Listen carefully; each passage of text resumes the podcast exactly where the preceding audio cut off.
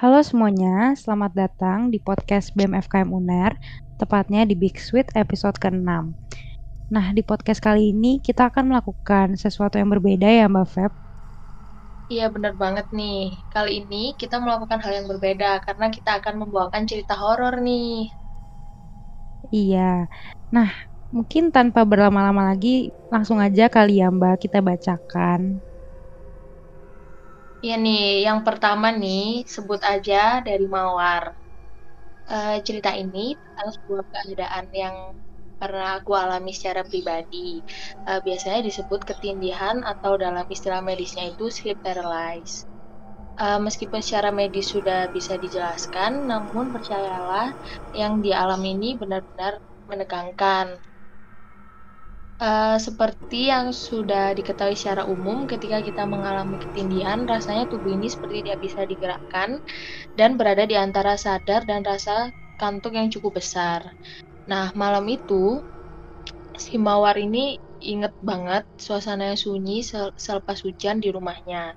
Di lantai dua rumahnya ada empat ruangan, yaitu ada kamar si Mawar ini, kamar mandi, ruang TV, dan tempat jemuran. Nah, sehari-hari hanya dia sendirian yang selalu menghuni lantai itu. Sangat jarang banget ada anggota keluarga lain yang menghuni di lantai dua itu kecuali untuk menjemur pakaian aja. Nah, waktu itu semua anggota keluarganya udah tidur dan mayoritas lampu di rumah juga sudah dipadamkan. Uh, seperti biasanya, uh, si Mawar ini tidak merasakan ada hal yang aneh seperti biasanya tidak ada sesuatu hal yang janggal. Nah, namun ketika uh, si mawar ini mulai terlelap, beberapa kali dia mencoba untuk bangun seperti biasanya, hingga pada sekian kalinya dia tidak bisa menggerakkan anggota tubuhnya nih. Nah, uh, si mawar ini memaksa untuk membuka mata dengan uh, perasaan setengah sadar dan kantuk. Nah, si mawar ini benar-benar melihat seperti ada sosok wanita yang menduduki tubuhnya sambil menyodorkan cengkeraman tangannya ke arah si mawar ini. Nah, nggak berhenti sampai itu, si mawar ini mencoba untuk berontak, namun hasilnya tetap nihil. Nah, sebisa mungkin, si mawar membaca segala doa yang terlintas, mulai dari takbir, sholawat, sampai ayat, ayat kursi, berusaha si mawar baca dengan bibir yang tidak bisa digerakkan. Nah, si Mawar ini berusaha terus dan dia ingin teriak buat manggil kedua orang tuanya. Namun uh, sepertinya suara si Mawar ini tidak ada, tidak terdengar. Lantaran suara bibirnya kayak ditahan gitu loh. Nah dia tuh semakin merinding. Nah semakin kuat aku memberontak sehingga akhirnya tubuhnya itu kembali normal. Terus dia setelah kejadian tindian itu, si Mawar ini langsung menerangi kamar dan segera lari ke bawah buat menuju ke kamar orang tuanya ke kamar orang tuanya. Gitu sih cerita pertama yang kita bacakan, tapi emang menurut aku Wah. ini relate banget sih. Serem juga ya, Mbak. Kalau Mbak Feb sendiri pernah ketindihan nggak, Mbak? Uh, kalau aku sih alhamdulillah nggak pernah, tapi aku sering banget dengar cerita dari teman-teman aku. Mereka tuh kayak pernah ngalamin ketindian gitu. Hmm, serem sih serem banget. ya memang serem banget. Makanya kayak ya udahlah sebelum kita tidur alangkah baiknya kita membaca doa biar kita iya ketindian. betul. Oke coba aku lanjut ya mbak. Cerita kedua ada dari Mas Andi dari IKMB 2020 Ceritanya nggak sampai dilatin bentuknya, alhamdulillah, tapi mereka ngasih tanda. Yang pertama tuh pulang nongki sekitar jam setengah dua belasan, padahal selama mau pulang ke arah lewat lapangan nggak pernah kenapa-napa. Tapi pas sama temen, tiba-tiba ada bau melati yang kuat, padahal di situ nggak ada bunga melati sama sekali. Dan ya mohon oh. maaf, merinding lah. Oke. Okay. Iya sih, aku jadi dia merinding banget.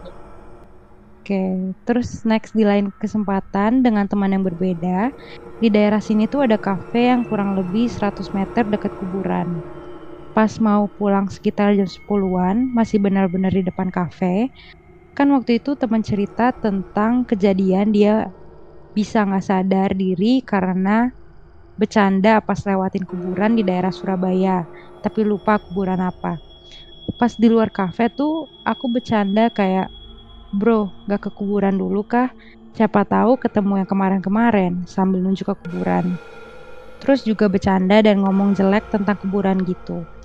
Dan tiba-tiba banget, bener-bener tiba-tiba langsung bau melati kuat banget di situ di parkiran itu. Ya seketika sadar lah buat menjaga mulut pas itu dan ya pas perjalanan teman masih cerita tentang kejadian yang dialami. Saya hanya termerenung diam dan gak berani kasih tahu kalau tadi tiba-tiba bau melati kuat karena saya takut. Mohon maaf, itu baunya sempet kuat ngikutin beberapa meter. Tapi alhamdulillah di rumah auto langsung cuci tangan, cuci kaki, dan sholat.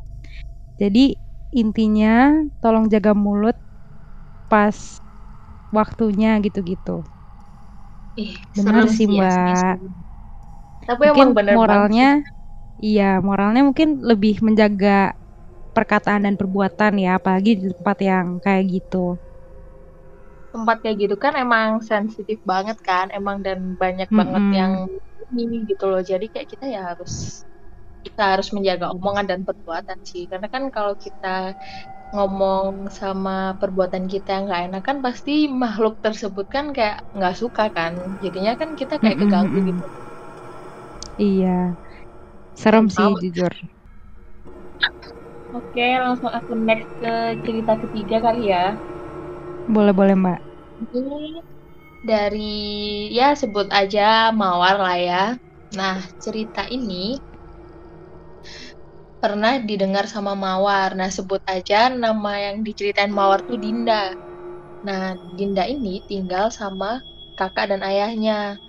Eh, suatu hari ayahnya pergi di- untuk dinas keluar kota. Jadi tinggallah Dinda ini sama kakaknya di rumah sendirian. Dan seperti biasanya, Dinda menghabiskan harinya itu untuk tidur seharian. Dinda terbangun jam 6 sore karena suara hujan yang deras menghantam atap rumahnya. Segeralah ia mandi, membersihkan kamar, dan mengunci pintu rumah agar aman dari maling. Eh, sebenarnya, Dinda itu takut keheningan. Jadi, ia menghabiskan malam tanpa ayahnya dengan menonton film sama kakaknya. Nah, kebetulan kakaknya ini sedang duduk di ruang tengah. Diambillah HP Dinda dan segera menuju ruang tengah untuk menonton film. Eh, mereka menonton film genre komedi agar memecah keheningan di rumah. Nah, selama menonton ini, Dinda nggak berhenti ketawa, bahkan perutnya sampai sakit. Ia tak memperhatikan bahwa kakaknya ini tidak menikmati filmnya karena ia hanya diam. Nah, Dinda ini menganggap kakaknya itu mungkin sedang bad mood. Eh, setelah banyak kali ketawa, Dinda haus dan mengambil minum di dapur. Lalu ia berteriak dari dapur, Kak, mau diambilin minum apa? Air putih atau air sirup? Langsung seketika hening, Dinda pikir suaranya itu tidak terdengar karena suara hujan yang sangat deras di rumahnya. Saat ia hendak berjalan ke ruang tengah, handphone di sakunya itu bergetar tanda bahwa ada pesan masuk. Nah, dibacalah pesan itu dan pesan itu tuh bertulis bahwa Dek, aku nginep di rumah teman aku soalnya hujan nih. Jangan lupa Demi apa? Itulah bunyi pesan dari kakaknya. Sumpah ini nakutin banget sih. Terus ih, Asli serem banget mbak. Iya, makanya terus Dinda ini mematung di dapur karena membaca pesan tersebut. Nah, akhirnya dia sadar bahwa kakaknya sedang main keluar, sedangkan yang menemani menemaninya menonton film dari tadi itu bukan kakaknya. Terus seketika seluruh tubuhnya si Dinda ini merinding dan dia bermaksud untuk keluar melalui pintu belakang rumah pelan-pelan. Ih, sumpah ini nakutin banget sih ceritanya kayak aduh. Ih, asli. Ini mungkin kalau positifnya mungkin eh, Dinda ini lagi halu ya mbak. Mungkin ya Iya, positifnya. karena ketakutan akhirnya dia ke bawah gitu loh. Iya. Tapi kalau negatifnya ya ya mungkin dia ditemenin sama itu sih mbak ya. Mm-mm. Iya. Terus ketambahan lagi kan dia bangunnya jam 6 sore kan, mesti kayak Eee, aku Mhm. pernah denger kayak mitos banget gitu loh, ya nggak tahu sih mitos atau fakta, kalau jangan sampai waktu maghrib tuh kita tidur gitu loh. Pasti kayak Bener bener ada bener. hal yang aneh gitu loh. Is Mhm. nah Serem sih. Emang kayak emang dia udah ini ya, maksudnya udah ketakutan gara-gara udah ditinggal ayahnya dinas, terus kan dia ketakutan juga karena keheningan kan, makanya dia kayak udah parno Mhm. banget gitu kan, jadinya kan bisa kebawa juga. Iya sih, bener bener. Karena menurut aku ya bukan menurut aku sih, kayak semakin kita ketakutan tuh kayak makhluk halus tuh semakin Ngerasa kita ya? gitu. Iya, bener Iya, bener. dia ngerasa kalau kita tuh ketakutan, makanya makin makin diusilin aja. Mhm. Bener sih. Tapi mungkin kalau aku jadi dianya juga pasti susah buat nggak takut sih, Mbak. Apalagi aku orangnya takutan banget gitu. Iya sama sih. Tapi ya kita harus berusaha positive thinking lah. Biar Iya, kita juga positif-positif. dijauhkan dari hal-hal itu. Iya, betul. Oke, aku lanjut ya. Oke. Selanjutnya ada cerita dari anggap aja sekarang Melati ya, Mbak. Oke. Penghuni rumah masa kecil. Mungkin itu judul yang pas buat cerita-cerita di rumah lama, tepatnya di daerah Tropodo, Waru, Kabupaten Sidoarjo. Yang pertama, suara air kamar mandi. Bisa dibilang kejadian ini yang paling sering aku alamin. Ada dua kamar mandi yang tiba-tiba sering kedengeran suara air, padahal posisinya nggak ada siapa-siapa. Suaranya kadang kayak orang lagi mandi atau suara air ngalir gitu. Kejadian yang paling aku ingat waktu aku sama kakakku, yaitu pas lagi les private di rumah. Posisinya semua orang lagi pergi, jadi cuma ada aku, kakak, dan guru les. Waktu itu kita belajar di ruang tamu sekitar pukul setengah lima sore, seingatku. Dan tiba-tiba ada suara orang kayak mandi gitu di kamar mandi belakang. Sumpah, aku nulisnya sekarang merinding. Kita bertiga so memberanikan diri buat ngecek. Alhasil emang gak ada siapa-siapa.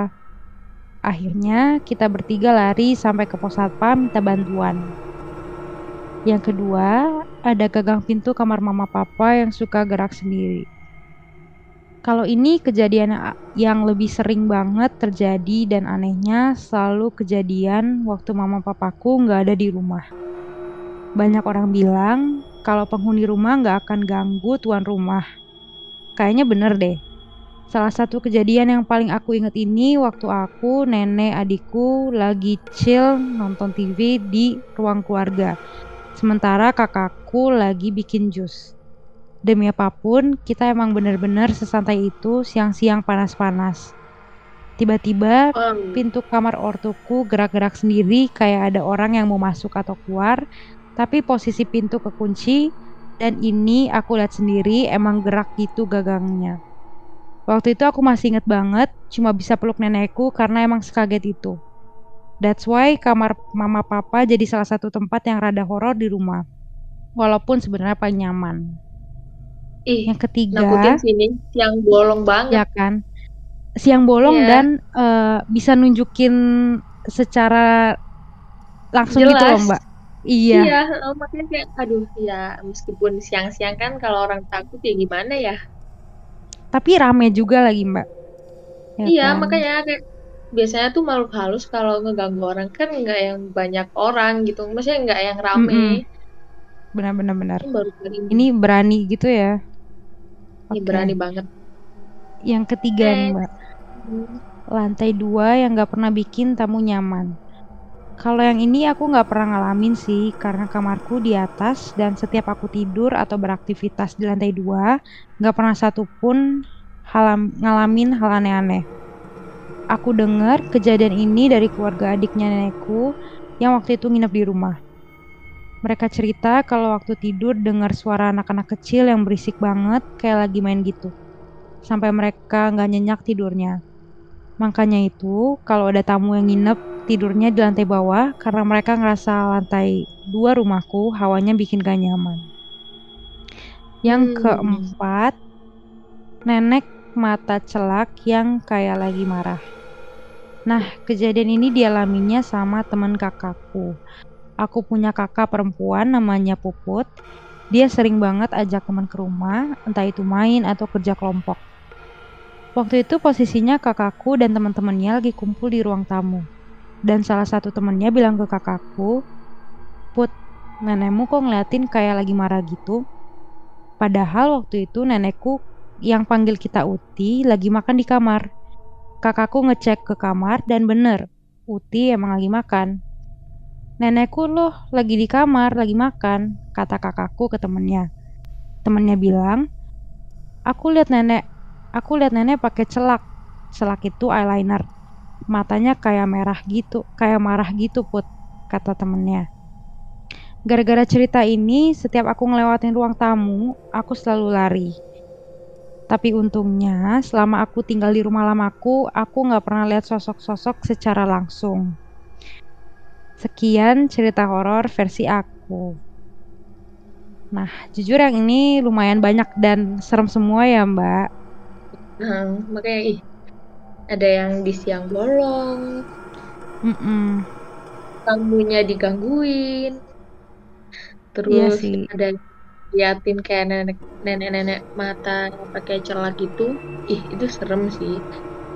Tapi menurut iya aku sih. kayak ini yang ganggu kayak berani banget gitu loh.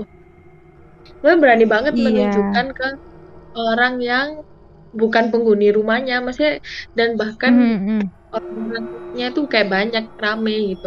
Kayak ah, mhm. in- Siang bolong pula. Mhm. iya makanya. Oke, Oke, next lanjut aja ya. Mbak. Kita yang terakhir nih, paling akhir. Nah, cerita ini waktu sore, sore hari di usia saya, oh, sebut aja ini tadi kan Mawar udah, Melati udah. Apa ya kira-kira? Hmm, Apa Mbak anggrek? Coba anggrek. ya udah, sebut aja anggrek. Nah, si anggrek ini waktu usia dia sekitar masih 8 tahun, dia dan ayahnya naik mobil pulang dari bengkel setelah servis. Nah, sepa- seperjalanan pulang, si anggrek ini dan ayah mem- ayahnya mampir terlebih dahulu ke rumah paman. Nah, paman ini kakak dari ayahnya dan mobil mereka diparkir di samping jalan, tepat di depan pintu masuk pagar rumah paman. Eh, rumah paman berada di sebelah jalan raya. Jalan tersebut itu harusnya ramai, karena boleh dibilang jalan jalan itu termasuk jalur pantura. Tapi tidak pada sore itu, yang dia ingat saat itu suasana sepi seakan-akan aneh menurut dia. Tidak terlihat orang maupun kendaraan yang berlalu lalang selain mereka, mereka berdua yaitu si anggrek ini sama ayahnya. Eh, Mhm. sehingga ketika sampai di rumah paman, eh, si anggrek ini tidak takut untuk masuk ke rumah, melainkan secara setengah sadar lebih tertarik memandangi jalan yang sepi tersebut. Nah, tidak begitu lama, ayahnya keluar dan mengajak si anggrek ini untuk naik ke mobil setelah terpenuhi sudah tujuan ayah mampir ke rumah paman. Dan ternyata tiba-tiba mobil yang mereka kendarai tidak mau hidup, seakan-akan sedang kehabisan bahan bakar. Berulang kali, ayah si anggrek ini memutar kunci mobil, yang terdengar hanya suara dinamo starter menjerit yang sedang memaksa mesin untuk hidup tapi tak kunjung hidup. Suasana yang si anggrek rasakan ini berubah semakin aneh dan tidak wajar. Tetapi, si anggrek ini memilih untuk tidak mengungkapkannya kepada ayahnya. Berulang, berulang kali, ayahnya melihat indikator bahan bakar yang menunjukkan bahwa bahan bakar masih lebih dari setengah penuh. Apa yang dirasakan oleh anggrek semakin tidak enak dan janggal karena seusia itu si anggrek ini sudah melihat mengenai uh, mengenal tentang cara kinerja mesin, terutama mesin mobil yang mereka kendarai pada saat itu. Nah, dalam kejadian, mobil tidak mau hidup. Biasanya dilakukan bantuan dengan bantuan dorongan dari luar, dibantu orang-orang yang ada di sekitar. Namun, menurut anggrek ini, kejadian ini tidak akan terbantu dengan bantuan dorongan tersebut. Toh saat suasana sekitar sepi sekali.